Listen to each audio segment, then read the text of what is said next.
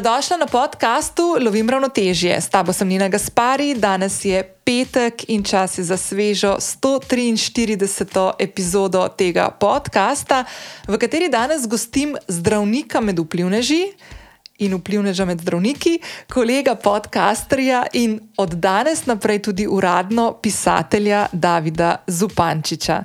Z Davidom se v tej epizodi, ki smo jo posneli nadaljavo in ti v začetku povem, zakaj, pogovarjava o igranju življenjskih vlog, o delu v Ljubljanskem kliničnem centru, o dolgih dežurstvih, o lovljenju ravnotežja med delom in družinskim življenjem. David je namreč tudi očka leto dni stare punčke, pa o upravljanju razpoloženja in seveda dveh novih projektih, ki se jih je David lotil, in to sta podcast Umetnost lenarjenja in prav danes sveže izdanim knjižnim prvencem Življenje v Siviconi, ki je že na voljo na spletni strani mk.si.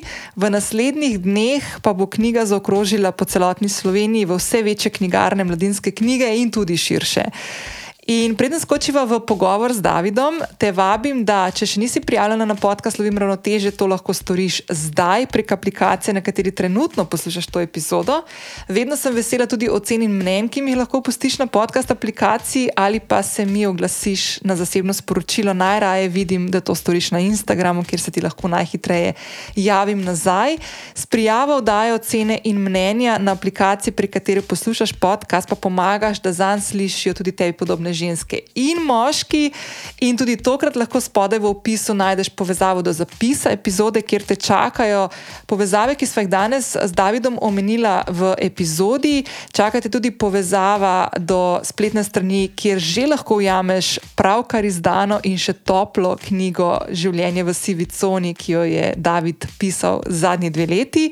In seveda uh, vse uh, povezave, prek katerih lahko Davida spremljaš tudi v prihodnje in ga tudi poslušaš na njegovem podkastu Umetnost lenarjenja. Uživaj v pogovoru in se slišiva ob koncu. Hej, David. Ja, živijo. Ej, jaz sem si tale pogovor tako ful drugače zamislila. Uh, najprej sem si ga zamislila tako, da bom uh, te prej v živo srečala, Uh, in to je bil plan dva dni nazaj, ko to snemava, pa sem ugotovila, da sem si na robe karte uh, rezervirala za tisto dogodek, na katerem si bil tudi ti. Prva stvar, zakaj nisem prišla. Druga stvar pa, da smo pol na koncu prišla do tega spoznanja, da bomo nadaljavo snemali, tako da se gledava tle čez ekrane, um, kar je v bistvu full fine, ampak uh, tako, se moramo še srečati, to sem hotel. Ja. Ne? Je kar smešen, ja. glede na to, da bo imela kar en dolg, pa tako globok pogovor, po moje, da se tako prvič vidi. Ampak lej, uh, veli, v mojem življenju je veliko enih nepredvidljivosti, tudi spoh, odkar se z medicino ukvarjam in odkar sem zdravnik. Um, se bo pa tudi, da je v živo zagotovo srečala in mi boš lahko rekla, da zgledam full višji kot. Uh, kot na Instagramu. Kot znaš v okvirih Instagrama. Ne? Ja, ja, ja to, to mi vsak večinoma reče. No. Ampak veš, kaj mi pa vsem fajn pri takih stvarih? Um, zato, ker ravno uh, te uh, družabne omrežja, pa ti razno razni kanali, ki jih imamo, pa podcasti in tako naprej, ne, uh, da ti vsem dajo tako neko možnost, da, poznaš, pa, mislim, da se spoznaš z nekaterimi ljudmi tudi ne v živo in imaš vsem lahko full fine debate, tudi če jih nisi drugačni nikoli prej srečal kar mi je pa ja, best. Zihar, veš, da jaz takrat, ko sem v COVID-u začel v bistvu rasti z Instagram profilom, z nekaterimi sledilci, ki so mi redno tudi dajali feedback, pa mi pač kaj pisali na moje objave, večinoma pač eni in isti.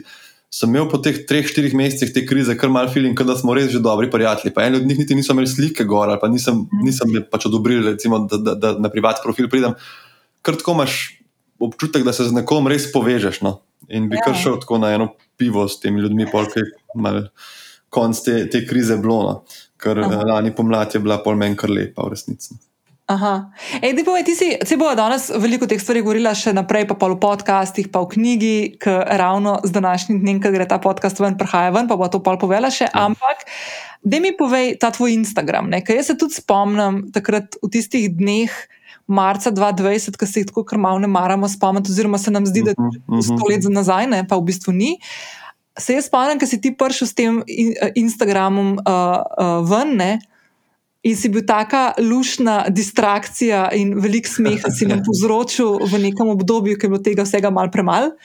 Um, ti si takrat prvič stopil v to mrežje ta, na tak način. Na tak način, zihar. Ja. Jaz sem imel pač en profil, ki ga imam še zdaj, nek moj profil z vem, 300 sledilci, frendi, kjer mhm. dam kdaj gor sliko kakšnega vzhoda, pa počitnic, pa pice. Pa mhm. Potem imel pa ta drug profil, ki je bil v bistvu za mime, ne, za, za fore, za zabancijo. Večinoma iz vidika uh, zdravnika, ker pač naša služba, ko kar je resna, je neskončen vir tudi komedije, uh, tragikomičnih, preprosto komičnih in seveda pomembnih življenjskih uh, izkušenj, o čemer tudi zelo veliko pišem v knjigi, ki je tudi veliko enih komičnih vložkov noter. Zdaj, takrat sem pa prvič videl, da se da tudi preko družabnih omrežij. Na nek način širiti določene informacije, in to sem videl predvsem z vidika tistih, ki so širili nasprotni pol, se pravi, nasprotniki cepljenja znanosti, teoretiki zarote. In Po drugi strani sem pa začutil, da je blazna, blazna želja ljudi. Pač mene so sprašvali, mi pisali, me pač nekako spodbujali, ful je bila želja za ta uvid iz odnotraj. Ne, To infekcijsko kliniko smo drugi dan epidemije zaprli, nisi mogel blizu, če nisi bil jih umirajoč, ne, pač vse je bilo mhm. zaklenjeno. Kaj se dogaja, kaj pomeni ta virus, kaj so plani, kaj je cepljenje, kaj ni. Uh, kaj pričakovati. Um, pač tudi ta mal feeling, da je nek disaster, ta katastrofa okoli nas, človek se mora takrat malo ozemljiti in tudi pomiriti. In jaz sem vedno tudi šel iz tega, da v bistvu karkoli podajam, tudi če so ne zelo optimistične informacije, da sem skušal iz vidika enega optimizma ali pa optimističnega realizma uh, to podajati. No, in pol pa nekako. Mislim, jaz ti povem, če bi jaz se usedel za telefon, za, s telefonom za mizo, pa bi si rekel, jaz hočem imeti zdaj 20 tisoč sledilcev in uh, drugo službo z Instagramom, mi ne bi ratali nikoli, po moje. Pač, jaz sem se mm. samo brez neke agende odzival na želje iz okolice. Kot si rekla, včasih so bile želje preprosto, mi bi se radi malo smejali. Mhm. Prosim, da malo pozabim, drugič pa pač ne vem. Prišel je članek o cepljenju, prišel je ta priporočilo, kaj ti misliš, kaj misliš o infektologi. In, in nekako samo z odzivanjem se je to raslo in raslo, in kar me je še bolj presenetilo, pa tudi malo razveselilo, da je raslo, tudi polk je COVID šel mimo. Ni bilo samo, pač, ok, hvala, da si povedal svoje epidemije, zdaj recimo umirja in zdaj gremo naprej. In so mi ljudje kar pol tudi poslušali naprej, no, kar sem si štev za tako kot eno čast ali pohvalo ali kaj ne rečem. Mm Mislim, da kot si rekel, da v bistvu, um, ki delaš neko. Če, a veš, jaz, ki se ukvarjam s temi stvarmi, pa sem dolg časa tudi delala na tem, da sem svetovala naročnikom, kako se pozicionirati ali v medijih, ali konec koncev na družabnih omrežjih in to. In pa, ko sem jaz sama začela s svojimi stvarmi, sploh s podkastom, jaz sem lahko fulkovačeva kubila. Jaz vem v teoriji, pa v praksi tudi, kako se te stvari nastavljam, ampak sem se, na primer, svojih konkretnih projektov lotila čist drugače, tako zelo ja. počasi. In nikoli nisem mislila, da ne vem, tri leta potem, ko sem začela s podkastom, bo v bistvu to moj. Biznis model, rado. a veš, kaj mislim? Ja, tako, seveda, ja. Ni šlo za to. In ko greš na, taki, na, na tako potnik, tak, na tak organski način, ljudje to prepoznajo v tebi in se vračajo na tvoje vsebine. Sploh, če tukaj podajaš nekaj, to, zdaj pa lahko, lahko je, ker ti imaš tako fulje preplet, ne? imaš preplet informativnih stvari, strokovnih stvari, smešnih, da zabavaš ljudi, pa konec koncev daješ tudi tako zelo brutalen na trenutke v pogled v to. Kako izgleda za kulisje mladega zdravnika z mlado družino, usklajevanje yeah, ja, vseh yeah. teh vlog. um, pa te bom v bistvu še kaj tam vprašala, ker si v bistvu rekel eno stvar, da se ta pandemija tako malo končuje, oziroma umirja. Ne? A pa se, a tako vi zdravniki, ki delate tako, mislim, da imate še vedno en kup enih stvari, verjetno, ki vseeno ustajajo, pa mogoče ni tista drama, ki je bila na začetku, ampak ne. Joj. Da si pripravljen na uvid mladega zdravnika. Ne, ne, ne, ja, za družino. Ne, povej, ne, veš kaj, lej, tako je. Um, mi smo res delali knorci, no. zdaj, ko je bila ta epidemija, um, razširilo se je predvsem problem, da s širjenjem kapacitet rabiš več dežurnih. Mhm. In zdaj imamo recimo pet dežurnih naenkrat v hiši. Ko sem jaz prišel na kliniko, smo jih imeli tri, to pomeni v praksi, seveda vsak dan v tednu mora biti nekdo dežuren, da moramo razpisati 150 dežurstev v mesecu. Tako mhm. da manj kot pet, da bi jih imel, je že utopično, s tem, da jaz mislim in zagovarjam, da ena 24 ur na teden je dovolj. Ne. In zdaj, kaj je problem? Mi smo pač to, recimo, epidemija se je takrat, po nekje z izvenevanjem delta seva, aprila, maja, se je začela malo umirjati in pomlad Pomlad je v bistvu bila luštna no, iz tega vidika, da ni bilo več teh neskončnih COVID-pljučnic. Ampak infektologija je pač zelo akutna stroka. To pomeni, da mi nimamo programskih zadev. Recimo, ti imaš, um, če dam primer, uh, oddelek za žilne bolezni. Uh, tam imaš akutne ljudi, ki rabijo ta trenutek pomoč, recimo nekdo dobi pljučno embolijo, uh, zaporo žile na nogi, trombozo, mora ta trenutek priti. Pa imaš pa ene, ki so mu z ultrazvokom ugotovili zožitev žile na nogi za vem, 70 odstotkov, zato ga boli in je naročen čez 4 mesece, da pride programsko v bolnišnico, da to razširijo. Ne? Mhm. In zdaj neka stroka, ki ima program, lahko vedno reče: Ok, zdaj smo imeli noro naporno, ali pa zdaj je en kongres, kamor gre veliko specialistov, ali pa zdaj je veliko dopustov ali pa dve sestri so dali odpoved. In bomo ta program ožali, da ne bomo preveč obremenjeni. No, infektologija nima v bistvu programa. Ne. Mi imamo ne. akutno bolne ljudi. Pride človek s sepso, z meningitisom, z pljučnico, z okužbo zgornjih sečil, ledvica, ne, z abscesom v trebuhu. Ta človek ne moreš mu reči: pridi čez tri mesece, da si naročen na sprejem. Ampak pač mi smo dejansko padali iz COVID delovišča v delovišča naših navadnih infektoloških bolnikov, ki pa tudi, veste, niso bili čist optimalno vodeni ta čas, ko smo mi se ukvarjali z temi neskončnimi pljučnicami, so mogli recimo kardiologi zdraviti endokarditis, to je vnetje za klopk srčnih, ki bi drugače mi, pulmologi so zdravili pljučnice in tako naprej. Ne, pravi, to so bili razpršeni bolniki in zdaj. Ta trenutek, ko se mi pogovarjamo, je naša urgenca izjemno, izjemno, izjemno obremenjena, in niti še nismo v sezoni prave gripe. In to so enostavno ljudje, ki so zelo bolni, In najbolj vsega se čuti pomankanje pač primarnega sektorja. Ne. Zdaj to več let se že govori, koliko ni družinskih zdravnikov. Mm -hmm. En človek, ki ne dela v medicini, to čuti tako, da težko pride do njega, kar je grozen občutek. Mi pa čutimo tako, da prihajajo k nam pač ljudje, ki jih bi lahko obravnaval in pozdravil družinski zdravnik.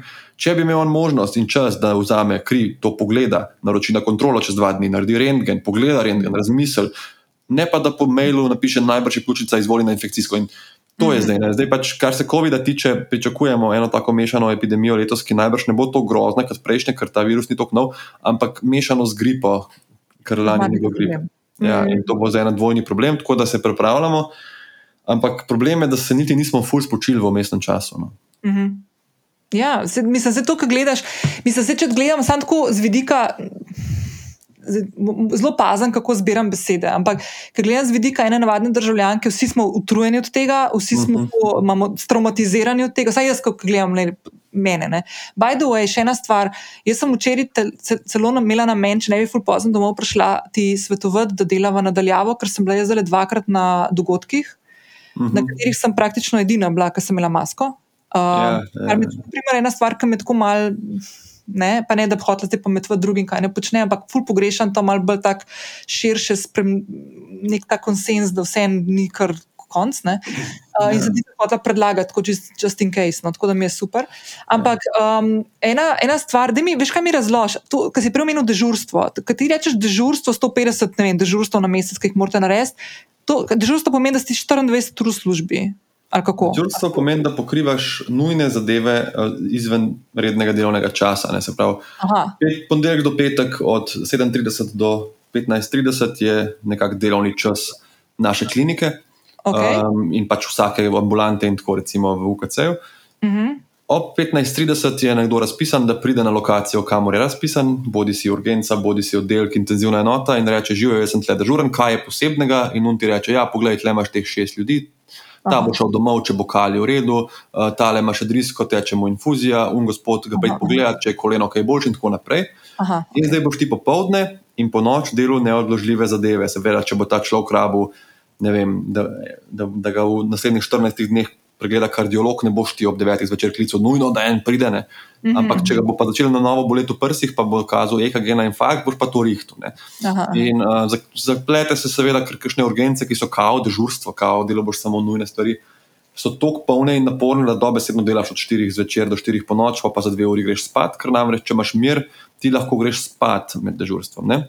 To je obratno kot turnusno delo. Večina urgenc v Sloveniji ima turnusno delo, da pa priješ do 12 ur v službo in greš. In to je pač služba, ker je toliko obremenitev, da ne moreš ti reči, to je dežurstvo. Aha, in sestre, aha. medicinske, recimo, one pač delajo skozi, ker bolniki, zdravnik pač naredi diagnozo, terapijo in gre, one mu morajo to terapijo razdeliti, ga obrniti, previti, nahraniti one imajo turnus. -hmm. Se pravi, vsak dan je pet ljudi, ki bojo prenočili na kliniki, in naslednji dan potem šli domov, ponavadi ob pol dvanajstih, še le, ker morajo še vizito narediti, ker nas je pač premalo. Ne, Prav, ne smejo zjutraj domov, razen če je slučajno na oddelku zelo veliko ljudi, si imel težko dežurstvo, se lahko ekstra zmeniš. Tako, mm -hmm. um, in, in pač to se menja na, na dnevni bazi, če kdo zboli, imaš pol problem, se pol kjer ušadira. Uh, ampak načeloma, tako slišiš se fulgrozen, na koncu kar nekako gre. No. Ne vem, ta razpis pride nekje 15. v mesecu za naslednji mesec, podzapneš mm -hmm. vse v koledarju in to je to. No. Aha, to sem te hodila zdaj vprašati, kako si ti urnik nastaviš. Zato, ker, mislim, A veš, z vidika nekoga, ki naprimer rečemo, da ima nek tak ustaljen ritem življenjski, ne, približno kdaj greš spat, kdaj se zbudiš, kako imaš razparcelirane dneve, pa to na to, da naprimer imaš tako sprav tudi nočno in tako, pač, ki tudi podreja ritem, konc koncev. Ja, ne, to um, ritem je še vedno ful dobro imeti. Ja. Uh, ampak enostavno, že z vidika, dober, ko imaš malega otroka, ti že to zelo podre. Ampak tudi, če ga nimaš, um, v naši službi pač moraš biti pripravljen, da boš pač kdaj. Da ne boš mogel, ne meni, recimo, ura, jaz sem to pametno uro, ki mi je fully všeč in pa mi v dežurstvu mi je najbolj grozen, ki mi tam pol desetih napiše, ko se tvoj dan končuje, se umiri in zdaj zadihaj, pa si mislim, da ti ti bo, da veš, kaj sem že le dobro začel svoj dan. Ni ti bilo pametna ura. Ne? Ja, ima pametna ura, ja, se je fulje pametna, res. Ja. Kaj mi pač zračuna, da ponavadi okoli desetih grem spat, z ženo greva celo prej, greva spat ob devetih, a veš, mi ospava tam malo ob osmih, pojeva. Uno, ne vem, včasih si še televizijo požgala, zdaj si ne več, zdaj greva kar spat. Um, no, ampak pa, pa prije nek dan in si dežuren in pa priješ domov in spiš čez dan ali pa greš prej in tako. Ja, nimaš. No. To, to je meni tudi, ker sem imel pač težave z nespečnostjo na faksu. In največ mi je pomagalo, da sem res imel ustaljen ritem in sem vsak dan ob 8. večerju, ob 9. sem se stuširal, ob pol 10. sem bral, ob 10. sem šel spat. Ne. In tudi mi je bilo lažje za spat. Pol. To ti pol gre, ne. Pol recimo priješ iz dežurstva, spiš od 12. do 6. zvečer, a veš, itak ne boš zvečer zaspal. Ne, No, to sem te hodila vprašati, kaj ti tudi, ko priješ pa tako iz take dolge, ne, dolgega delovnika, priješ domov, vprašanje, če lahko zaspiš, ker jaz vem, da imam ja. takrat, ker sem full utrujen, včasih ne morem ti zaspati. Ne. Ja, to je tudi ena stvar, pop čez dan. Uh, ja, se pravi, spat čez dan ni isto. Ne. Jaz najbolj spim takrat, ko se uležem zvečer ob desetih, pa imam frej noč, pa tudi ta mala, recimo, hčerka načne za oko.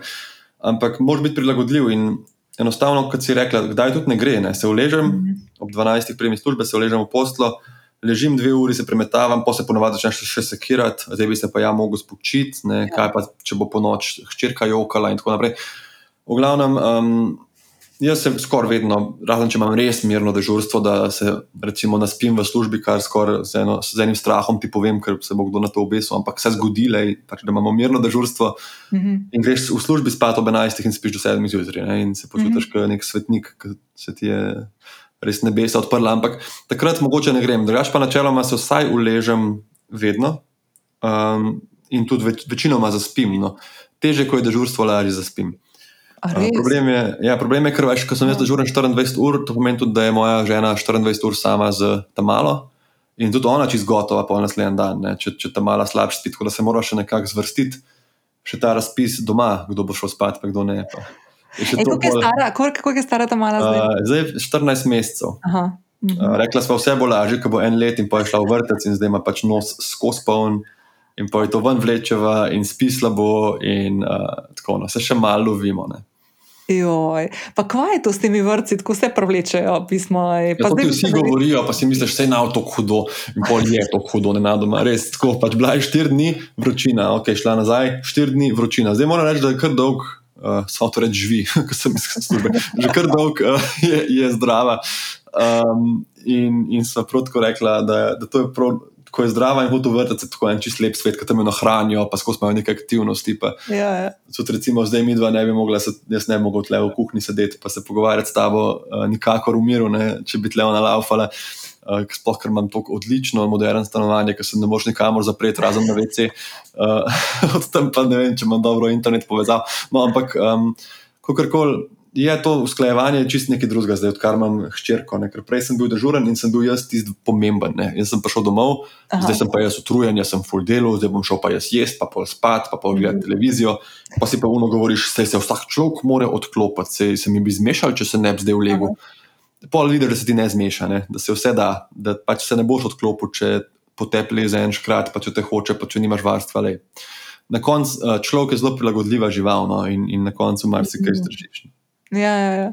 Ej, uh, Prej, ki si omenil, uh, pa si tako kar malo mal si tako uh, uh, hotel en disclaimer narediti, prej to, da imaš vem, mirno dežurstvo. Ja, ja.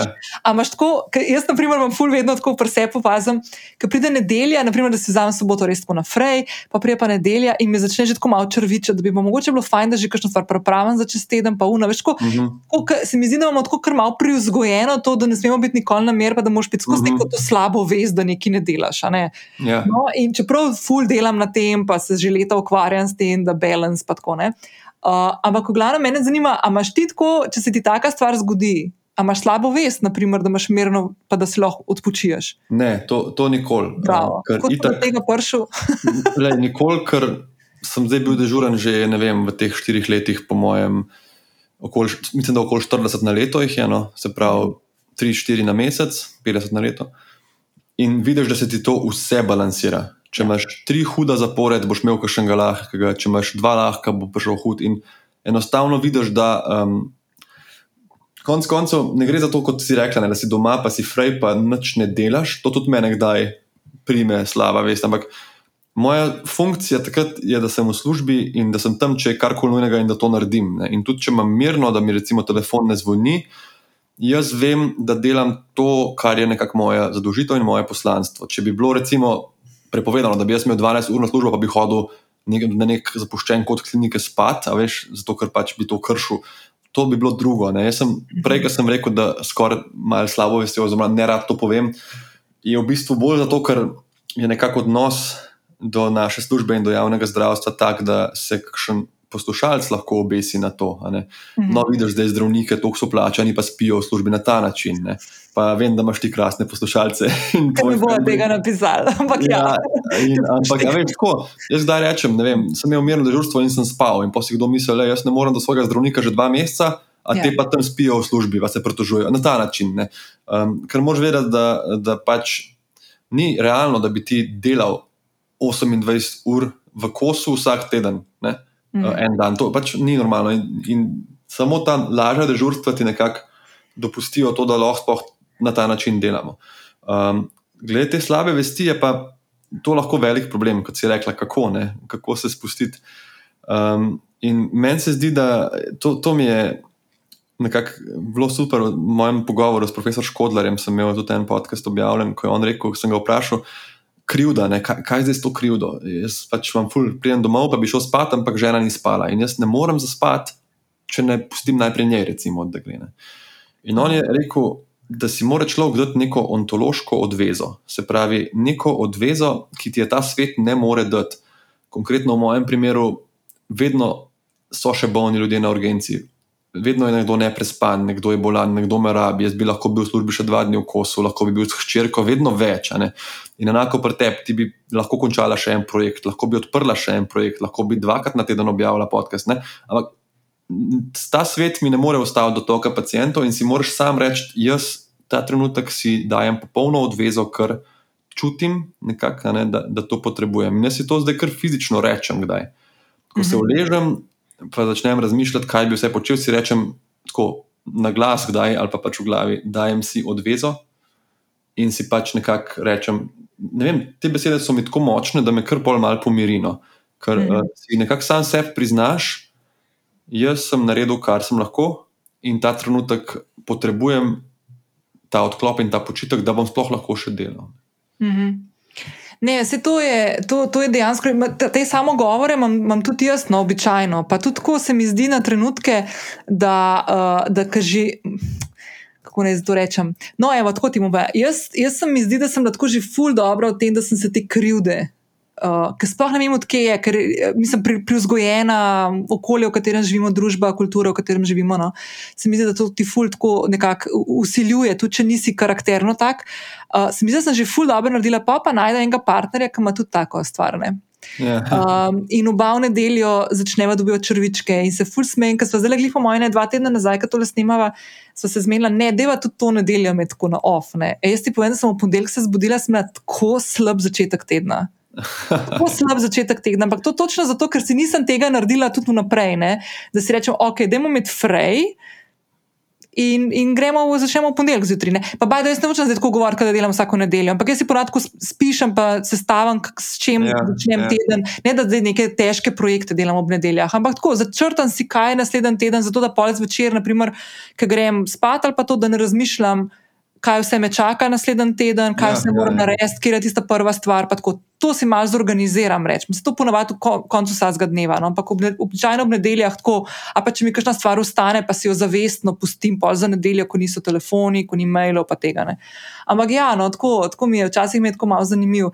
Ej, um, zdaj, ti te obveze, ne, od, odveze, ki si jih daš. Ne? Zdaj sem fulj vesela, da si tega nisi naredil, ko si začel razmišljati o podkastu. ne. Ja, veš, kaj, to je pa ena moja stvar, da sem tako v bistvu kar dobro funkcioniram uh, z ogromno enimi projekti, ki seveda me veselijo. Ne. Um, in konec koncev, tudi ta Instagram in vse, kar delam, je postal kot neka vrsta druga služba. In meni, ti povem, jaz imam dovolj teh 50-60 ur na teden medicine. Ne? Jaz, da bi šel popoldne delati v neko ambulanto, ne vem, za ekstra zaslužek, meni bi se zmešal, res dost imam. Ne? Mhm. Ampak, recimo, prijem po utrujeni službe, je pa isto, kot da bi šel na nek trening ali pa da grem nekaj snemat ali pa da nekaj objavim. Mi je pa to ena vrsta sprostitev. Ne? Se, če ne, tudi ne bi nikoli ob vsem tem knjige napisal, kar, kar imam že v službi zadolžitev. Ne? Mhm. Um, in takrat, ko sem razmišljal o podkastu, je bila tudi to nekakšna prva misel, ne, da se nimam časa. Pa, pa kaj pa vem, začneš razmišljati, ne, kaj vse boš ti sam tudi najdel ne, v tem, ko boš to delal. In odkar sem jaz Mhm. začel, sem imel tudi nekaj gostov, ki so mi meni odprli blazno.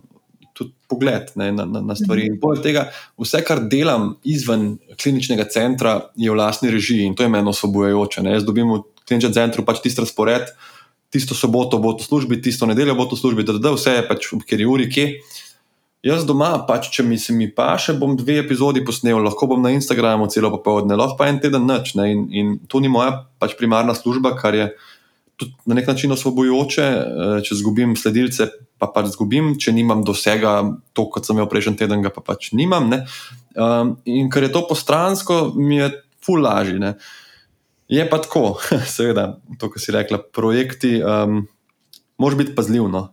Imel sem eno obdobje, marca, april, ko sem gotovo, da sem tako malo sem bil sta malo, da se je kar začela tako skoraj malo odzivati name, kot do kakšnih, tako, tudi ljudi, ki jih ima rada, ampak ne vem, ala babica. Tako. In glede na to, da je prej bila pač nora name in zdaj, če se pohvalim, je spet, je, uh, sem dobil tako opomnik, hej, pazi, ne, lej, mislim, to je tvoj najpomembnejši človek na svetu. Ne, zdaj, super, da si zdaj začel še podcast, pa da si začel še to, pa da boš imel zdaj eh, tisto predavanje, pa nastop, ampak konec koncev je pač doma tisti najpomembnejši del. Um, tako da to se mora človek kdaj aktivno spomniti. No. No, zdaj si že tako skoraj deset epizod objavil, ne? Ja, mislim, Um, da osem. Osem imaš v tem trenutku. Ne? Um, no, da mi povej, kako, kako ti je všeč uh, svet podcasta. Ne, by the way, za vse tiste, se sem to že v vodu povedala, uh, umetnost lenarjenja, ful mi je dober naslov. Um, Ja. In je, um, kako, kako si začutil te prve zdaj? Uh, zdaj, zdaj si lahko rečeš, da si pač resen podcaster, ki ima že toliko epizod, ki marsikdo tudi odneha. Predtem, tako da, kako ti je všeč? Ja, ta svet? naslov drugače obravnava bolj, mislim, iz, izvira nekako, bom rekel, točno iz tega, kar si prej opisovala. Ne, tega, da, da smo blazno produktivni, delamo vsebine, ki konec koncev jih veliko ljudi posluša in gleda, in smo lahko hvaležni za to, ampak potem pride nedelja in si s partnerjem nekje in si tako joj, kaj pa jaz delam zdaj. Ne? Ko bi lahko še to in to. No, in eno poglavje v moji knjigi um, ima naslov Umetnost lenarjenja, uh, ki drugače ni cel fokus knjige na, na te teme. Ampak In, in prav to poglavje je nastalo približno eno leto, preden sem začel razmišljati o podcastingu.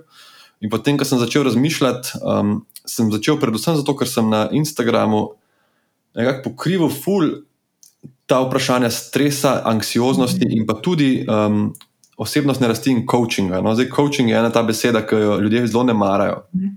Se mi zdi tudi zato, ker v bistvu je lahko life coach lahko vsak.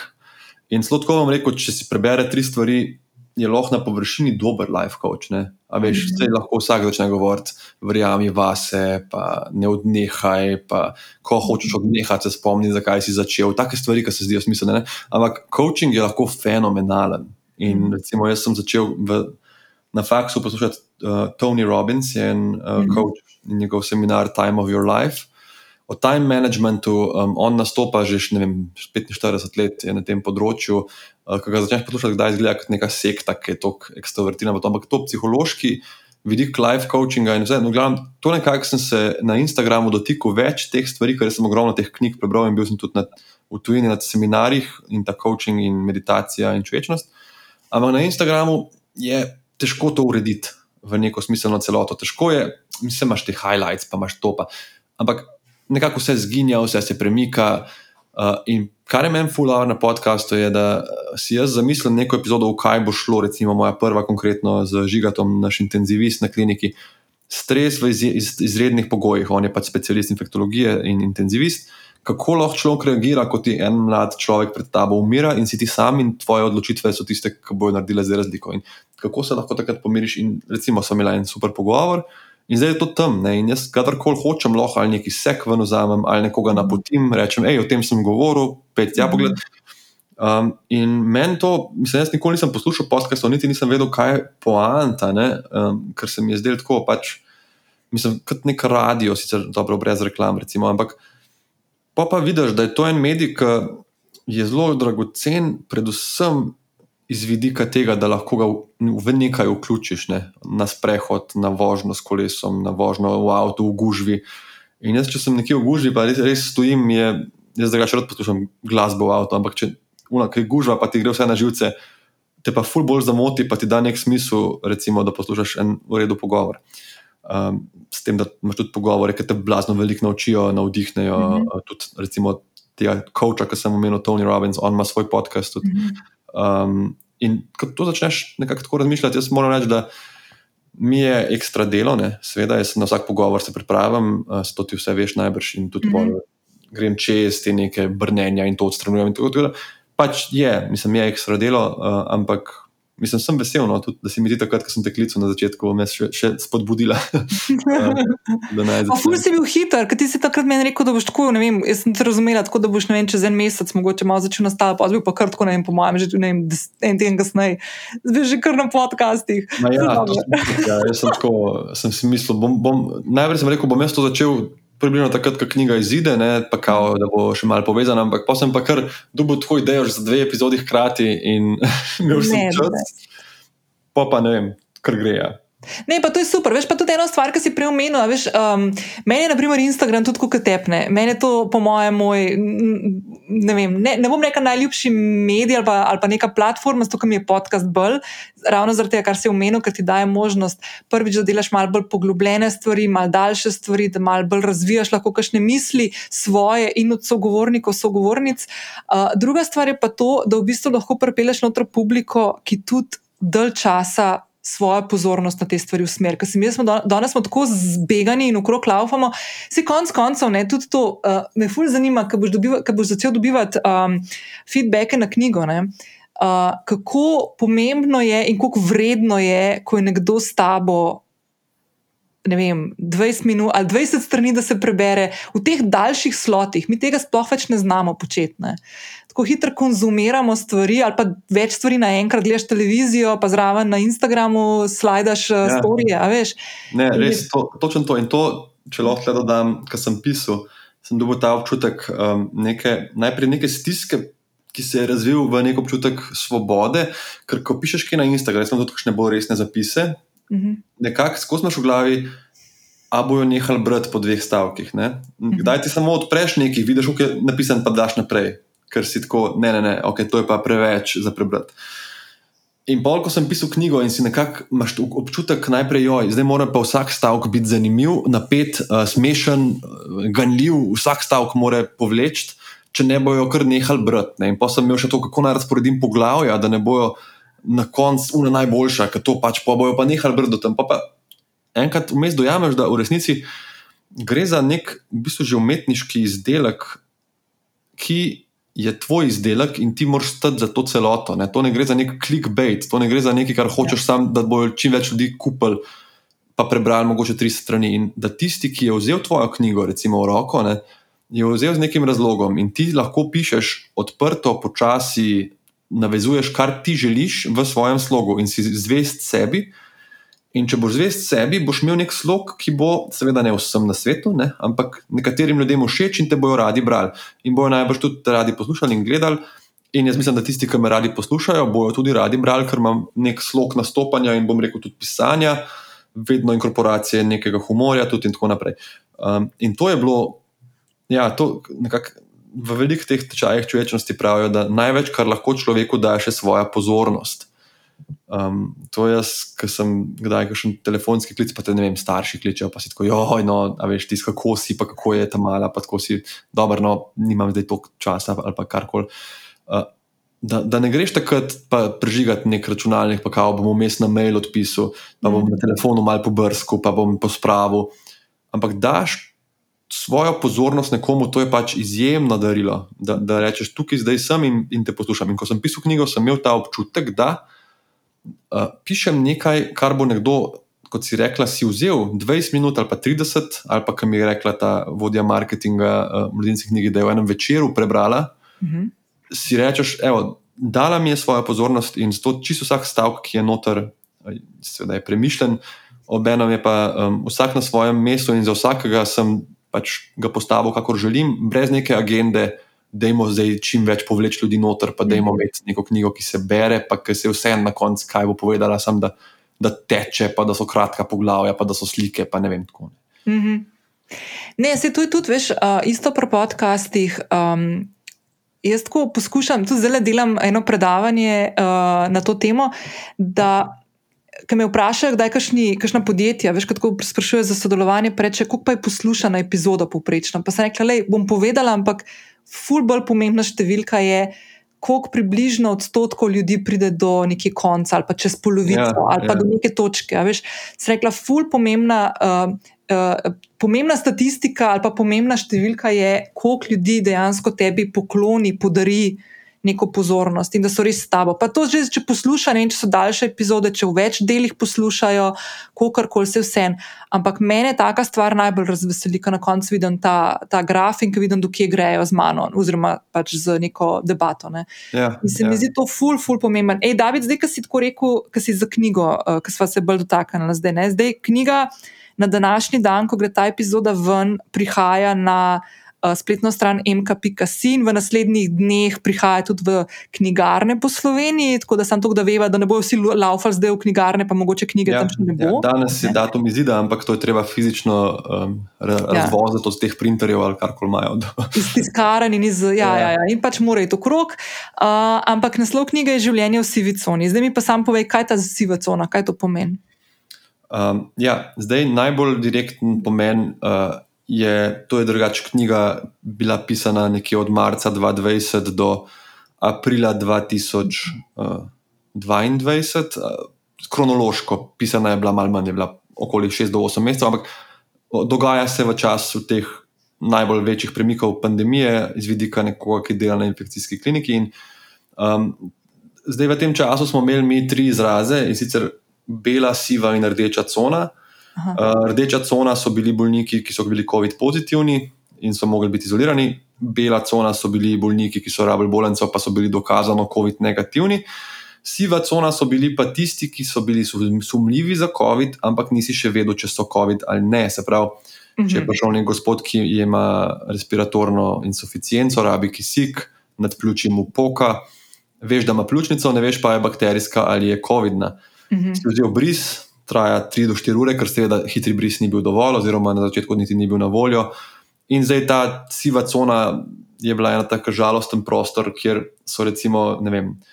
Človek ima prvi možganski infarkt, pa dobi vročino 37-9, ob tem, da ima ga v cono, ker mogoče je pa COVID, na, na, na ta način se je imel marsikaj tam, ne, od angin do okužb sečil, ki so pač čakali te nesrečne brise. In je bilo tako tudi malo neprijetno delovišče um, in valjda si mogel v njem delati maksimalno zaščiten, ker je poanta bila, da je lahko ta človek pozitiven, ne veš pa. Tako, to je ta siva cona iz vidika zdravniškega žargona.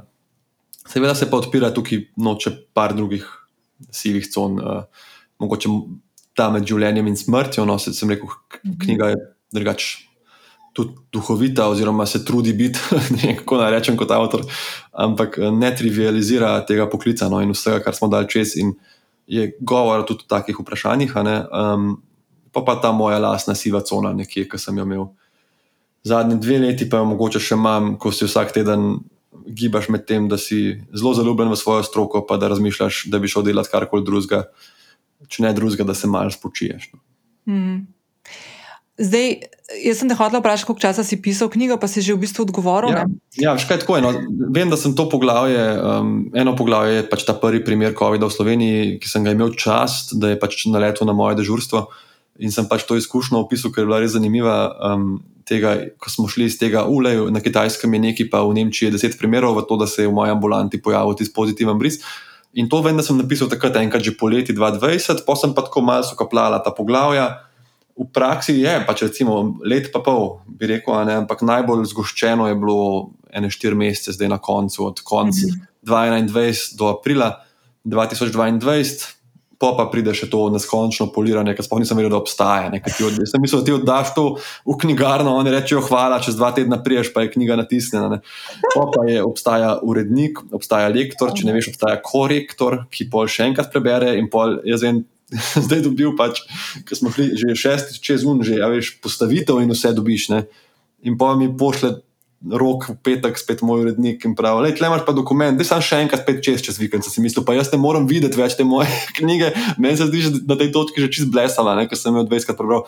Tako da poliranje je ogromno, pa to je čisto mm. poliranje. A bi ta stavek bil bolj razumljiv, če ga obrnem? A je ta beseda nujna? A si tle ne tako, na ta način. Tako da, projekt, mislim, blazen projekt, jaz kar govorim, da mi je dve leti vzel, čeprav največ malo manj, če bi zgustil. E, ja, pa ti si začel knjigo, uh, si jo začel že skupaj sestavljati, pa, oziroma uh, si se uh, odločil, da želiš iti v ta projekt, v ta izziv. Um, preden si imel založniško hišo za sabo? Ali... Ja, ja. Jaz, sem, jaz sem, moj cilj je bil že odnegdaj, da bi pač izdal Aha. knjigo vedno mi je tudi šlo na, fak, na srednji šoli boljš, recimo, pisati eseje, pa filozofijo, sem imel boljše ocene kot kemija, biologija in tako. Pač, mogoče kontraintuitivno, zato ki je delam. Ampak uh, rad sem vedno pisal, že kot mali sem pisal neke zgodbice in tako. In pa sem s tem prvim primerom, in ko sem prišel v službo je tulo alarm na hodniku klinike, in tam en si je skafandr oblačil, drug je tam plinsko masko zategoval, si si rekel, pa to je tako, no, mislim, zanimivo okolje. In poje pa šlo nekako tako, da sem prišel domov, pa sem rekel, uf, danes je bil pa tisti tist zanimiv primer, to bi pa lahko napisal. Pol, zakaj sem zdaj pomlad letos največ napisal? Ker vmes sem bil tako obremenjen od tega COVID-a, mm. da nisem zmogel več o tem tudi doma pisati, ne, ker sem mm. hotel se odklopiti. Pa ni to knjiga o COVID-u, ne, ni tako, da zdaj bom pisal samo o maskah, pa o cepljenju, ker noben noče več niti tega brati, ampak mm. dogaja se pa v tistem času, tako da je to en velik del um, teh pač zgodb, nekako bom rekel. Zdaj sem to ful lažje pisal za nazaj, kot takrat, ko sem bil tako obremenjen. Sem pa takrat, recimo, si rekel, hej, danes sem šel v ta skafander in smo tistega gospoda obračali na trebuh, ker ni mogel dihati na hrbtu, uh, štirje oblečeni v skafander, to bi jaz lahko napisal. To je res zanimivo bilo. Tako, pa, pač, kot sem rekel, kakšne te zanimive, bolj in manj tudi smešne prigode vmes, ki so se dogajale. A pa si, si ti takrat v mestu, mislim, da si že vedel, da se boš tega lotil, tega uh, pisanja knjige. A si, si ti v mestu kakšne zapiske delo ali kako si to? Uh... Bolj sem si tako, nekaj misli samo, ne vem, uh, dan v skafandru. Pa, Gnojni meningitis v sivi coni. Sam, da sem pol, recimo, ko sem domov prišel, pa sem imel nek prost večer, pa sem jih dal pisati, sem pogledal, pa sem rekel, uf, ta, ta je zanimiva in sem spisal pač en del. Uh, tako da na koncu mi v bistvu kar letelno, uh, lažje kot mi recimo leti kakšne članke pisati v službi ali pa kakšne raziskave. Uh, še vedno, po moje, velja, da sem boljši v esejih kot v kemiji. Ja, ja. Ne, ej, to, sem, veš, to so se z Miho Macinjem pogovarjali. On ima tako um, tak zanimiv način, si pa snema, um, vojse si snema na telefon uh, in si sestavil tako nekako neke te umisli. Ne vem, on je razlagal za to zadnjo knjigo osebno, ki je šla ven uh, uh, mesec nazaj, je, je tako na kaminu, ki je hodil, uh, si vojse delo in pa je prišel domov in je sedel in spisal. Uh, in je tako fulje zanimivo, kako imajo ljudje različne načine. Ne? Ker jaz, ko gledam najbolj grozna stvar na tem planetu. Se, jaz bi, imam tudi valjda neko romantično željo, nekoč neko knjigo, čeprav če me zdaj vprašaš, o čem pojma nimam, ne, tako da ja, ja. zelo daleč od tega smo. Uh mhm. -huh. Ampak tako, ki pa pomislim, najbolj grozna stvar, ki se mi pa lahko zgodi, je pa to, da moram za sabo brati. Ker jaz živne stvari druge, ki jih naredim, jih dam ponovadi moji sestri, ki je tudi lektorica, da mi to ona naredi, ker mi je najhujša ja. stvar, ki mi je, je za sabo neki brat. Tako da si sploh ne predstavljam, kako bi šel ta proces. Meni pa, men pa to ni problem. Jaz pač napišem, pa ponovadi grem še enkrat čez, malo vračam, pa pa pošljem. Ponovadi sem poslal očetu, uh, on pač Matjaš Zopančič, moj oče, on je drugač. Uh, Profesor na AGRFT, tudi pisatelj, dva romana, eno super kriminalko je tudi izdal, in tako naprej. On, on pač mi je vedno dal super komentarje nazaj. Mm pa recimo Ester, ki je prebrala, ne, in, in pa mi pač oni dajo nazaj nekaj.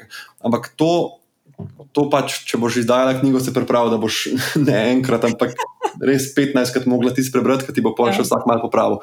Um, in meni to niti ni tak problem, sploh če nimaš nekega hudega deadline. Ne. Ker jaz sem pol, ker sem dubo založbo, nekako oni so rekli, da bi, iz, da bi izšlo, ker sem pač poslal te malce tekste, so bili fulno navdušeni in so rekli, da imamo računati jesen 2024. Oh. Ja, in jaz sem rekel pismo, pa takrat prvič ta COVID niti na to relevanten več.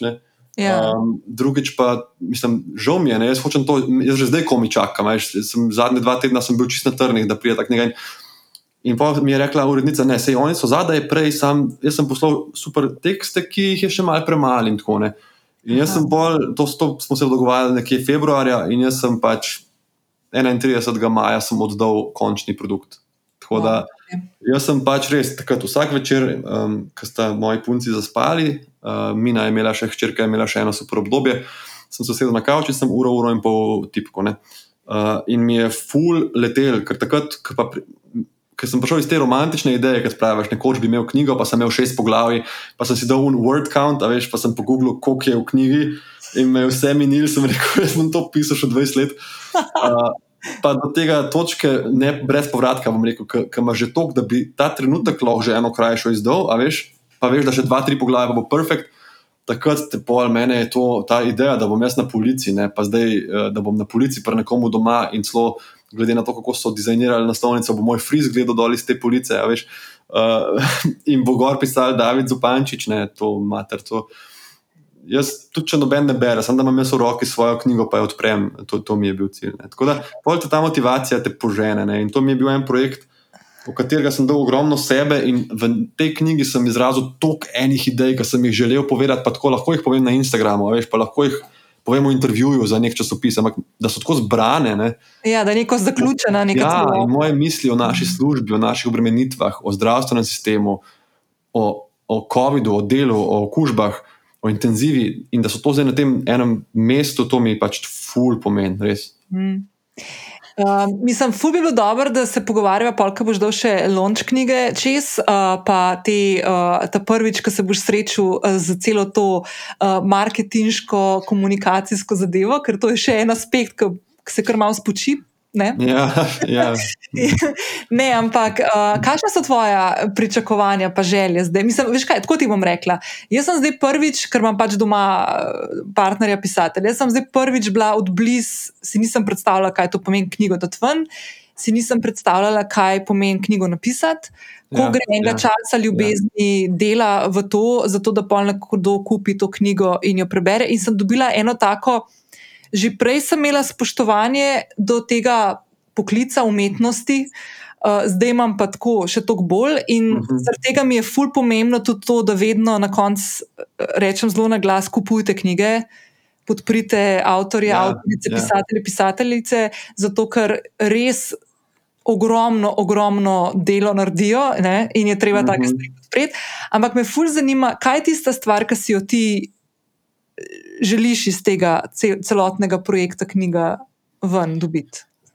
Ja, um, zdaj, ne tako, val, mislim, nek zelo iskren odgovor bi bil, jaz bi rekel, da je to ena blazna uspešnica, ne, seveda, da bojo rekli, je to knjigo, le to, to pa vsi preberete. In da konec koncev, vse narediš nek marketing, nek plan, ampak največ se naredi uh, z ustnim izročilom. Ne? Ko, ko nekdo mhm. prebere in mu je knjiga všeč in reče enemu, hej, to moš prebrati. Ne? In tukaj ne moš fejkati. Ne ja. yeah. knjiga lahko vse usmeri v to, da me spromovira, jaz lahko na Instagramu spromoviram. Ampak če bo nekdo bral, pa bo mogoče to nehal vmes ali bo rekel, ne, ja, ok. Ne.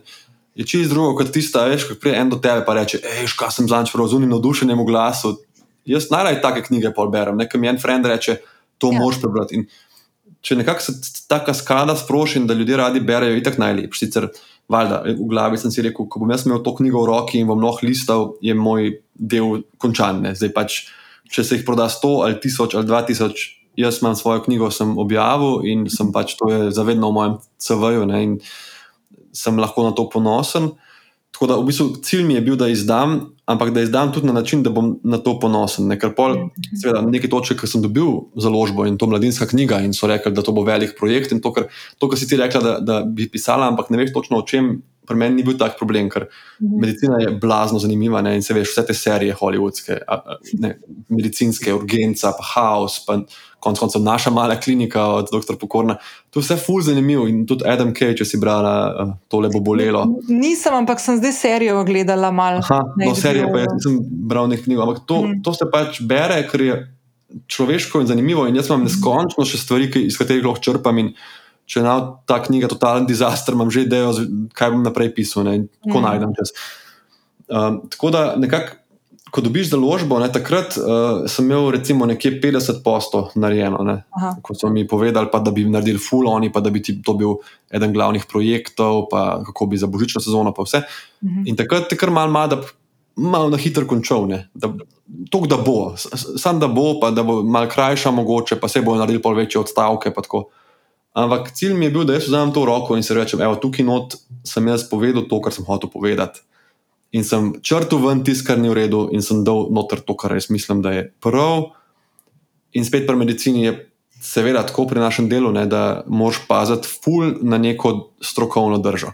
Mm. Jaz ti lahko rečem, da je not veliko duhovitih stvari, ampak ti povem, da to nikoli ne more biti humor na račun nekoga, ne, na, na enega bolnika. Recimo.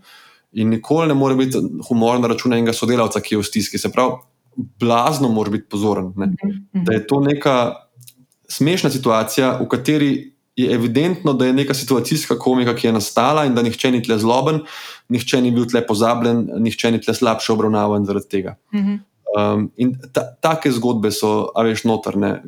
Konkretno, če ti eno povem, imeli smo dve intenzivni enoti, en čas na infekcijski kliniki, ker je bilo toliko bolnikov in na eni intenzivni enoti so pričakovali um, žilnega zdravnika, se pravi internista iz oddelka za žilne bolezni, da pogleda z ultrazvokom, če je en strdek nastal, ne? ker pač je bil sum na nastarjevanje krvi pri enem intenzivnem bolniku. No, pri drugi intenzivni enoti je bil pa en bolnik, ki je bil zdravljen že več kot 40 dni in žal pač kljub vsemu ni šlo. Ne? In je njegova partnerka prosila, če lahko pride duhovnik pač do njega za, kot spodbudo. No, in so ta prišla ta dva in sta zavila na napačne oddelke, ker pač sta se šla oblačiti v skafandre, in ti imaš zdaj te dve intenzivni enoti, prvič sta bila tam, na kar pride medicinski ta tehnik do našega dežurnega zdravnika, čist zmeden, pa pravi, doktor, meni ni več načasen. Do mene je prišel zdaj le duhovnik, pa rekel, kje imamo ultrazvok. Nek, ker je v bistvu bil to ta žilni zdravnik, ki je prišel na oddelek, kjer so čakali duhovnika. Ne. Un, un tehnik je pričakoval duhovnika, v resnici je prišel un in, in, in je dejansko mislil, da bo zdaj naš bolnišnični pater delal ultrazvok srca. Um, in na ta način, to so pa situacije, ki jih razčistiš, noben ni tle na slabem, noben ni na robe del naredil. Veš, prišlo je do neke zamenjave, ki ni bila niti usodna, niti konc koncev detrimentalna za, za bolnika. Um, in se je vse na koncu zrihtal moraš pa, mislim, moraš videti, iz česa se lahko zafrkavaš, pa iz česa ne. ne. Ker, ja, pa ne, pa ja. tudi res uh, ljudje. No, mislim, veš, to mi je fulj zanimivo, kaj mi zdaj govoriš. Ne, ker, Uh, ta izziv, da uh, če, če pišeš neko, m, da, ne, da ni fikcija, ne, da je tako non-fiction, se pravi, da pišeš po nekih spominih ali pa iz nekega življenja, koliko greš v to, da ali zakriješ neke identitete, -hmm. ali pa ne, da narediš zgodbo na način, ki ti zdaj opisuješ. Ne? Da vzameš res tako skalpel in greš preverjati iz zgodbe v zgodbo, kako na kakšen način, s kakšnim tonom zapisati neko situacijo, da tudi tisti ljudje, ki se bodo prepoznali v tej zgodbi, ko bodo knjigo brali, naprimer, da ne bo nihče od njih. Ja, zdaj cilj je to, absolutno, to so ja. dve stvari. Ena je ta skalpel, ki praviš, da je vse v uh, mejah razuma in v mejah um, nekega okusa, ne? da ne bo mhm. noben bral, pa rekel, da je pa čist neokusno, iz, česa se on zabava, pa kaj on piše. Ne? Pa to je ja, en bolan človek, pa tako nikoli. Pač jaz mhm. mislim, da kdor, jaz sem, to sem pa res, zato sem, zato sem tudi šel 20 krat čez, da uh mhm. -huh. nihče, ki bi prebral to, mi ne more tako jaz mislim, učitati neke uh, brezbrižnosti ali pa pomankanja empatije. Druga stvar je pa ta, da mora biti vse anonimiziran, to, kar praviš. Mm -hmm. In jaz sem to že v uvodni besedi napisal. Obrnjeni so spoli, starosti, časovnice, nekaj je mogoče bolj teatralno, barva las je zamenjana. In sem napisal, če se kdo prepozna v kakšni zgodbi, pol ta ne govori o njemu. Ker, ja, ja, ja, ja. Ja, ja. ker to pa pač Slovenija je majhna. Mm. In uh, tudi, če, če recimo nisem nikoli želel, vseeno ni fair, da bi kdo rekel, da to sem pa jaz. Ne. Zakaj me um, pišeš? Ja, tako, ja, ja, ja, in nikakor ne, tudi tako, uh, rajš spremenim čim več detajlov um, in, in obrnem stvari. In je to neka, ni, ni fikcija, ne, v resnici. Um, je pa res, da tudi veliko govorimo o čisto razmerah dela, pa o sebi. Ne. Ni tako, da zdaj opisujem konkretne bolnike in, in moje sodelavce. Ne. Ja, ja, izhajaš iz sebe, kako si ti doživljal neko obdobje in kaj vse se dogaja, in kako greš ti čez te stvari. Ne, konc Tako, konc. in tudi te zgodbe, niso ta zgodba z tem duhovnikom, z ultrazvokom in to. Vse je malo obrnjeno, vse je malo tudi narejen na način, da, da, da tudi ta človek najbrž ne bi rekel, uf, to sem bil pa jaz. Ej, um, veš, kaj sem te hotel vprašati? Eno stvar, ki me vedno zanima, če imam priložnost s kakšnim zdravnikom govoriti ali pa zdravnico uh, je vedno eno od vprašanj, ki me je fulj fascinantno, je to, uh, kako loviš ravnotežje med, uh, med tem, da si empatičen do človeka, ki pride do tebe in potrebuje tvojo pomoč, um, in kako narediš mejo. Da, ne, ne, po, po domač povem, kako narediš mejo, da stvari ne neseš domov, ali pa da jih čim manj neseš domov. Ja, um, Tle sta, uh, mislim, da je prav strokovni izraz empatija in uh, simpatija, da sta zelo različni stvari.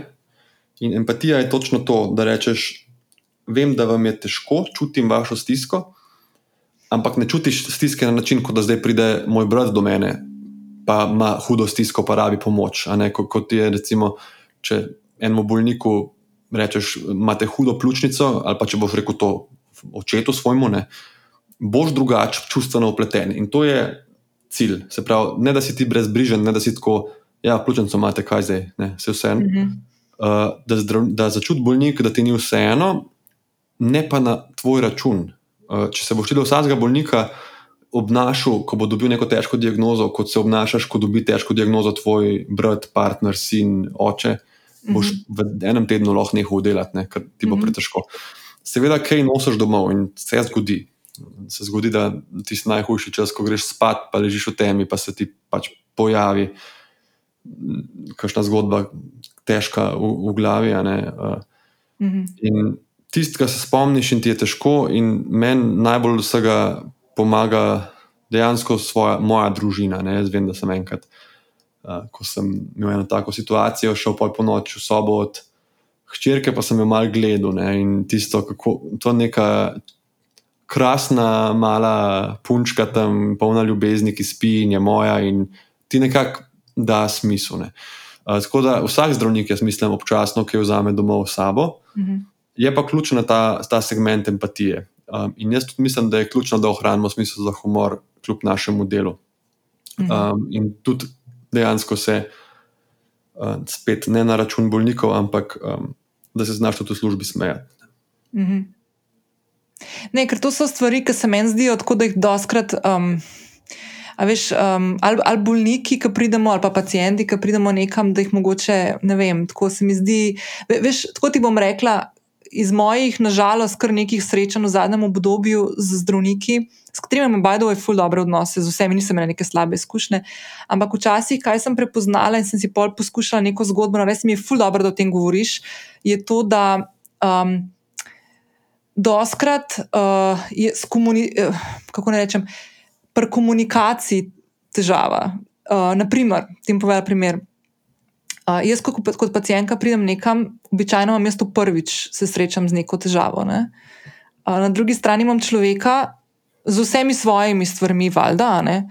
ki verjetno to dela vsak dan, večkrat se sreča. Ja, ja, ja. In, in je ta, ta občutek, in meni je ful dobr, ker imam par zdravnikov, uh, teh mojih ali osebnega ginekologinja in tako, ker smo se o teh stvarih fully odkrito pogovarjali in en drugmu dal. Um, nek uvid v to. Veš, uh, na moji strani je situacija taka, ok, na moji strani je taka, da imamo zdaj se razumeti, pa najdete nek prostor. Ne? In jaz verjamem, da tega doskrat ni, ne? zato ker ni časa, zato ker ni možnosti, zato ker so razno razne okoliščine. In se mi zdi ful dobr, zato sem zdaj štartala to debato. Ne? Se v bistvu niti ne, da bi hotela od tebe nek odgovor, ampak tako se mi zdi ful pomembno, da na koncu priješ do neke točke, da si človek. Ne? Da si človek, ki zna izraziti neko svojo stisko, ki jo ima, ali pa, neko, ali pa če imaš neko pričakovanje, se vse drugi, ali pa da ne razumeš nečesa. In po drugi strani, da si tudi človek, ki razumeš, da je na drugi strani tudi nekdo, ki je človek, čeprav je oblečen v, v belo haljo, ali v policijsko uniformo, ali zdaj uniforme naštevam, zato imamo pač neko tako običajno, neko tako prirojeno in privzgojeno spoštovanje do, do funkcije avtoritete ne, in uniforme. Ampak ne glede na to, kdo je na drugi strani. Ne. Um, in ja, tako se mi zdi taka, taka zapleten, zapleten odnos. No ki je ja. uh, vedno v nekem, se, se giba in ja, išče nek prostor. Ne? To je vedno zapleteno, ko je tudi nek odnos moči. Ne? Če gledaš mhm. policaja ali pa zdravnika v ambulanti, policist proti nekomu, ki ga je ustavil, zdravnik, bolnik. Mhm. Uh, je odnos avtoritete in moči, in je tudi razlog, zakaj zdravnik ne sme v ambulanti.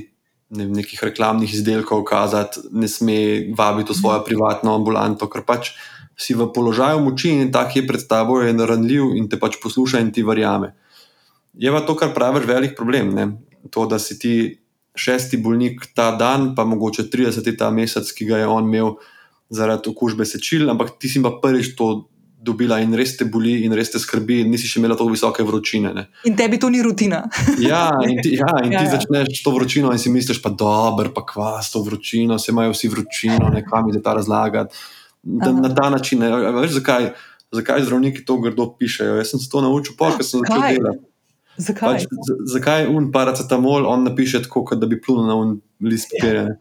Zato, ker je napisal ga že 22krat ta dan ali pa 16krat to uro. A veš, on je napisal paracetamol, recimo, če je prepisoval te temperaturne liste, ki imamo mi, hvala Bogu, na kliniki zdaj elektronske.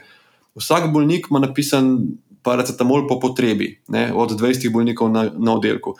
In zdaj, da bo sestra, seveda, mu dala, če ga bo kaj bolelo. In zdaj ti prije petek in moraš liste za naslednji teden napisati, kar je bajdo, je blazna bedarija, da moraš to ročno pisati in potrata časa, tako da naša klinika še enkrat pohvaljena, da ima zdaj računalniški program. Ampak in ti paracetamol napišeš, pa probi napisati enkrat, ni to kratka beseda. In to napišeš 22krat, pač na koncu napisal P, pa zmazek pa olo na koncu. In sestra bo pogledala to in bo rekla: Ah, pa reče tam olo, točno bo vedela. In, in to je poanta ti. Če bi pač napisal par stavkov na dan, vsak dan bi vsi zdravniki lepo pisali. Ne? Ampak ti, imaš iste, ene in iste zadeve, pišeš tokrat. Mm -hmm. Isto, če si v urgentni ambulanti, skoraj vsak bo začel stavek za ne vem. Pred petimi dnevi se je pojavilo to, ne? pa pa ne vem, kašelj, ja, driska. Ne? In ti boš ne boš za zadnji pisal kašelj, ja, driska, ne. Ampak boš zmazek naredil tako, da ko boš pogledal, boš približno vedel, kva je. Ampak enostavno ne boš mogel več premikati rok. No. Prav, da so en, sestre, ki za vami berejo, pa včasih uh, ne vem, kakšne uh, tam uh, v lekarnah. Lekarnice so bile v bistvu forenzični pregledovalci besedil.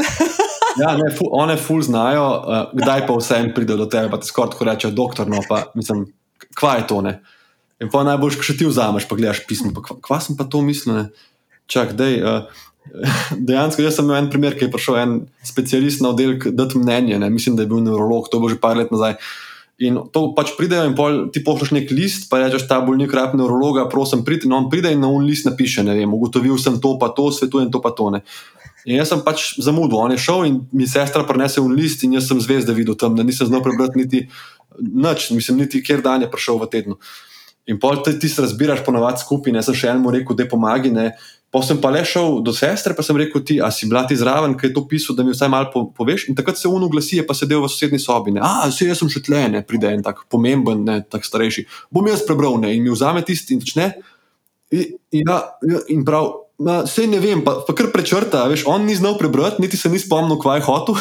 In je raj še enkrat napisal, ker dejansko ni, mogel, ni, ni se spomnil in ni mogel interpretirati, kaj tam hotel povedati. Ne. In je mhm. dejansko mi pa rekel, da vse to je brez veze, mi ti si prečrtal in mi še enkrat. To, da ne narekoval pred mano, uh, kaj je hotel. Ne. Tako da mm. smo tudi do sebe lahko malo kritični iz tega vidika. No. Jaz mislim, da jaz še kar redo pišem, no, glede na to, kaj delam. Zdaj se moraš prepraviti, ker boš ful podpisal delo. Ne, tako da, tako, ja, ti si treba, da čitljivo, se mi zdi. ne, pa da si tudi kaj napisal, veš, skozi To, zraven. to ne, bo, da ja, če bo kakšna misel, um, Ja, ja, da se bo dal prebrati, uh, tudi unim, ki niso medicinske sestre. ja. Da ve- Ej, veš, kaj sem te še nekaj hodila vprašati, preden te spustim. Um, uh, kako tvoji kolegi in kolegice gledajo na to tvojo uh, zgodbo zadnjih dveh plus let? Uh, ja, drugače, veliko jih sploh ne ve, da nastaja.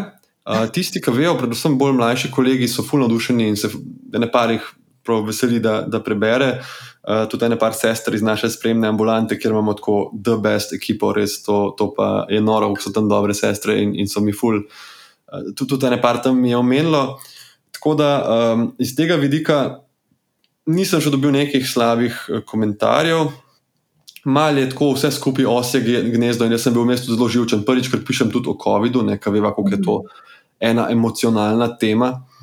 S tem, da jaz mislim, če ti greš iskreno brati to knjigo, tudi kot recimo proticepilc, da bo spoštljiva in razumljiva tudi zate. Ne? Tako nisem šel v to neko uh, blatenje, pljuvanje in tako.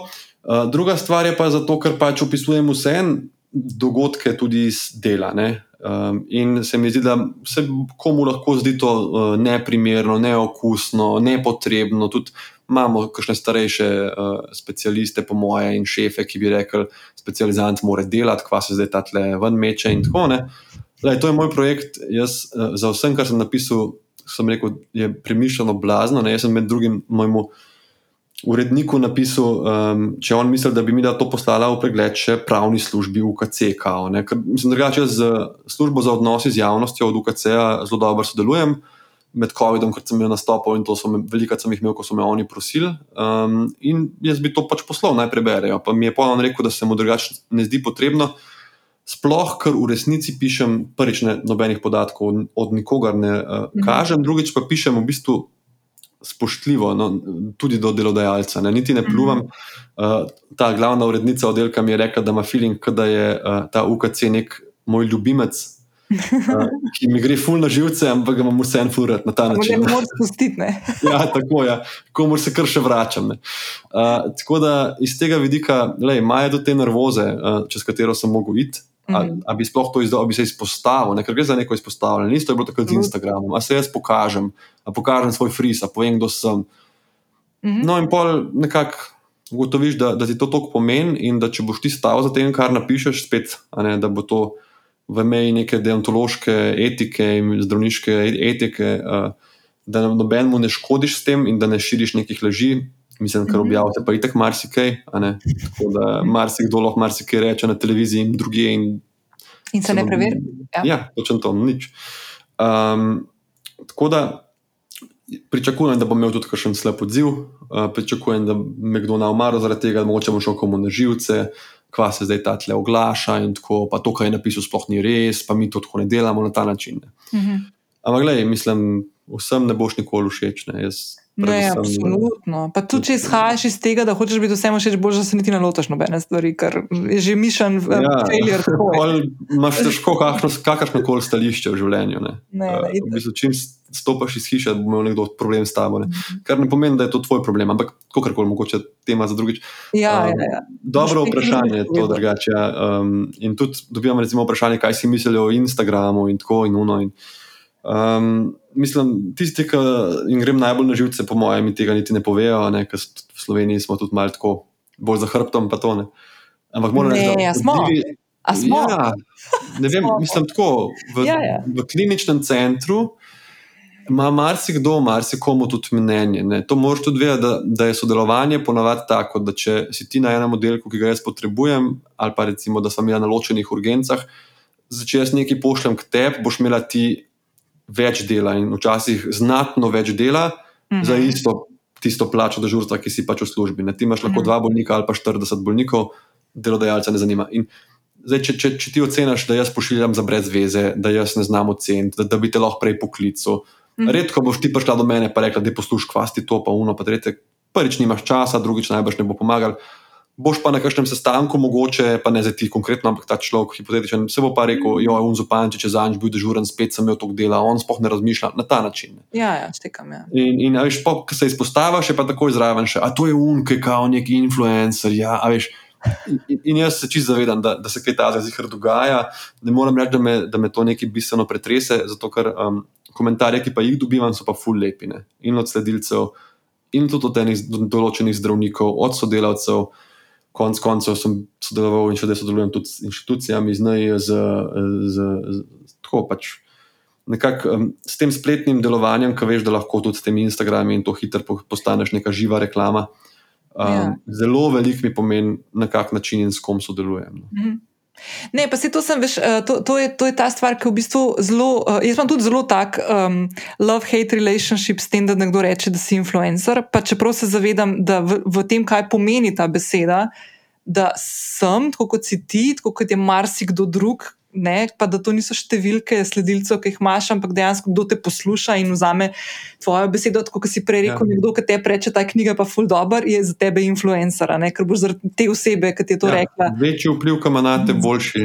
Exactly, ne, ne količinsko, ampak. Kako močen je ta vpliv. In, in meni je všeč, v bistvu, naprimer, um, da si se ti podal na, na konkretno na Instagram in pa tudi na vsa druga omrežja, no, na podcast, pa zdaj mislim, knjiga ni umrežena, pač kot medij. Ne. In se mi zdi to full fine, zato da odpiraš in odstiraš neke te uh, poglede v delo, ki ga ti upravljaš, v razmišljanja, v koncu koncev tudi to, da daješ preverljive. Um, Fakte od sebe, uh, pa da nas učiš, konc koncev tega, to jaz pri tebi vidim, da nas učiš pomembnosti tega, da kam greš po dejstva in kdaj, kdaj iščeš dejstva in kdaj rabiš mnenje. In da ločeš med temi stvarmi. In to je taka stvar, ki meni ful manjka v naši družbi, se mi zdi, da tako hitro upletamo z nekimi mnenji, ki jih predstavljamo kot fakte. Uh, to je ena stvar, druga stvar pa se ful veselim, da bova enkrat v prihodnosti govorila, ko boš povedal, kako je bilo imeti tudi kampanjo, polk imaš knjigo zunaj, koliko podpisov si dal, koliko se tvoj podpis spremenjal skozi čas. Ja. ne, pa da, poveš, pa da tudi poveš, ker veš, ne, jaz ne vem, kdaj si ti na, na, prvič. Um, ta prvič eh, svoj obraz. Um, V navednicah razkril na, ja, na, ja, ja. Ne, na Instagramu, kaj se zgodi, ko ljudje pridejo ali v UKC ali pa na ulici in ti rečejo, oh, ti pa ta. ja, veš, da, da je to že, že par zanimivih zgodb na, na to temo. Ja. Um, imaš enkrat tak doseg. V službi jaz nikoli tega nikomor ne omenjam, niti ne kažem, niti ne objavljam, medtem ko delam. Res pač hočem biti profesionalen, ampak ti tudi kakšen pacijent kdaj reče ja. um, na ta način. In je, je čuden, ko priješ na vizito, pa ti reče ena gospa, stara 60 let, vi ste pa un TV zdravnik, kako je pa hčerka. ti, bi, ti bi pa rad treba po tipu, pa ugotovo, kaj je narobe. Um, sem pa hotel se navedati na to, kar si rekla, razlika med mnenjem in preverljivimi informacijami, to je ful, ful pomembno. Ne? Mhm. Ker mnenje je super, da imamo, in če se pogovarjava o tem, kje imena za otroke so lepa, valjda bo vsak imel svoje mnenje in o marsičem. Ampak, ko pa ti govoriš o tem, koliko ljudi umre, če je cepljenih, koliko ljudi zboli hudo, v katerem sevu, pač ne moreš reči, jaz sem slišal, da moj sosed pa ni hudo zbolel. Nekaj, mhm. mislim, to nima neke teže. Ampak le to, kar si rekel, ker sem enkrat objavil, ker sem veliko o tem objavil in sem pisal nekaj o tem, da mnenje je najnižja oblika uh, zagovornika, nek citat sem dal. In pa mi piše en sodelavec in mi reče, Ej, nikoli več ne bom mnenja, mnenja podpisal na izvidu. In sem se zavedal, da veš, karkoli govorim, na izvidu zdravnika v urgenci imaš na koncu mnenje in terapijo. Ne? In tam pa to mnenje, ki ni nič uredno, mi podamo. Ne? Tako da, evo, zanimivo, mogoče bi mogli tam tudi. Čeprav v resnici je ne, to je mnenje, ampak je mnenje zdravnika. Uh, ki ima full informacij, ki te je videl, pregledal, pogledal izvide, razmislil, ima šolo. Ki, ki sloni na enem kupu enih Tako. faktov in izobrazbe. Če ti rečeš, zakaj to meniš, ne, ne more reči, zato ker moj sosed je tudi imel vključen za enkrat. Ne, ampak mora reči, ker smo se učili to, to, to, ker imaš ti na rentgenu infiltrat, ker imaš v krvi to. In to je nekako ta um, ja. mnenje nekoga, ki je izobražen na, na to stroko. Ne.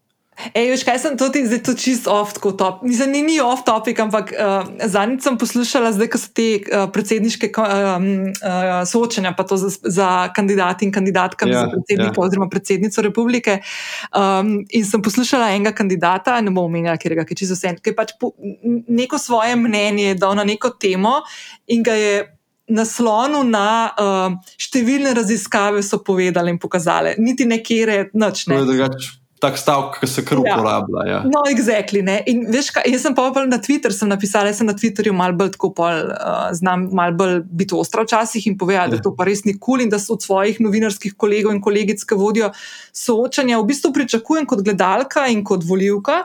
Da v real timeu vpraša človeka, kje raziskavo pa mislite, ali pa, Ja, ja, ja. ali pa, ali pa kontrira, če je za kontrirati. Je sem bila včeraj- objavljena in tako je. Ja, exactly. Ne? In sem včeraj to na enem mediju, ki je polajko ta tweet, opazila, da so naredili znotraj soočanja, da je voditelj rekel, uh, tole pa ne bo držalo, ne? ker raziskava Aha. iz tega in tega, New Scientist, ne vem, neki, ne, je pokazala, da temu pa ni tako. Ne? A veš, In sem si mislila, ker so verjetno se pripravili, da bo verjetno glede na Ful to, kakšno vprašanje. Ne? Ja. In sem sama rekla, evo, to sem hotla, ne? to je, to je dobro, nujno ja. potrebno. Ne? A veš? Pa To se tudi drugače um, v marketingu uporablja zelo veliko. Mhm.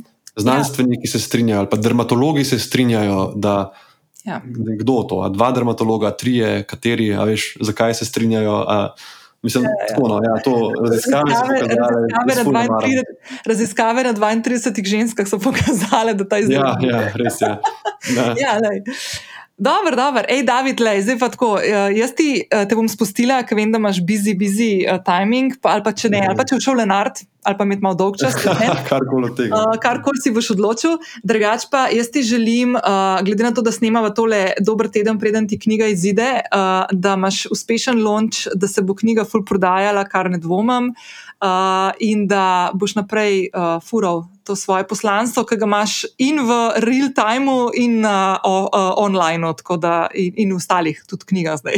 tako da pa full hvala za to, kar deliš, ker se mi zdi full pomembno in the best, in da imaš nek tak svoj stil ki si mu zvest. Uh, in je super. No? Ja, lej, mislim, hvala tebi za to odjavno špico, pa za vabilo, da smo se lahko pogovarjali. Um, jaz sem kar pripričan, da bo kdo vzel mojo knjigo tudi zaradi tega, ker je tebe poslušal, ker imaš tudi ti, ki sva se pogovarjala, kar, kar vplivno. Um, ker ne gre samo za to, koliko imaš ti nekih številk na socialnih omrežjih, ampak konec koncev, koliko ljudi te tudi posluša. ne. Um, in to, kar si rekel, da ostaneš zvest sebi, je največ, kar lahko narediš, ker v tem svetu reklam in vsega uh, lahko marsikdo, marsikaj naredi. In, uh, tudi meni največ pomeni, da mi ljudje rečejo, s tabo sem vem, od leta 2020 Mhm. in mi je ful všeč ta tvoj slog, to pomeni, da se nisem bistveno spremenil in mislim, da ti tudi koliko tri leta snemaš ali dve leti, že, že te. Ja, že imaš tri. najbrž tudi nekoga, ki vsak petek ful z veseljem prisluhne. Tako da hvala, da sem lahko bil jaz en od teh tvojih izbrancev. hvala, hvala tebi in z veseljem še kdaj. Čau, David. Ajde, di. Hvala Davidu in hvala tudi tebi, da si ostala oziroma ostal z mano do konca. Um, jaz moram reči, da se ni zelo pogosto zgodilo, da bi na podcast povabila osebo, ki je še nisem uživo videla. Uh, tako kot Davida, z Davidom smo sicer kar nekaj uh, m, poklepetala že prek uh, Instagram zasebnih sporočil, pa maila, pa po telefonu, ko se je pripravljal na svoj podcast Umetnost lenarjenja, pa sem mu mal predala uh, um, par takih nasvetov, uh, da bo hitreje lahko zaštartal, in sem tudi ful vesela, da je in da je zelo uspešen v podkastanju. Um, ampak je tako, ful je bilo luštno no, se pogovarjati, tako tudi če je bilo nadaljavo.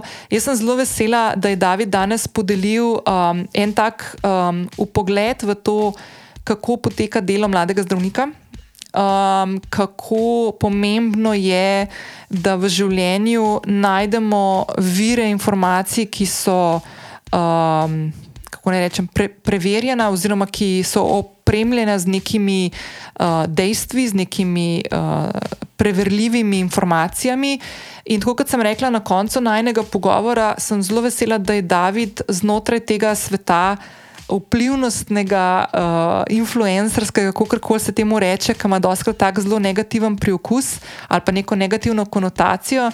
Um, Veliko krat, seveda, tudi pravičeno. Uh, se mi zdi ful pomembno, da David našel en tak prostor v tem okolju, kjer lahko uh, konec koncev se izraža na nek humoren način, in po drugi strani, da mu omogoča tudi neko komuniciranje vsebin, uh, ki jih krvavo potrebujemo na teh omrežjih. Um, tako da sem zelo vesela, da je blazno aktiven tako na Instagramu, kot zdaj ponovim tudi na podkastu, in se zelo, zelo veselim.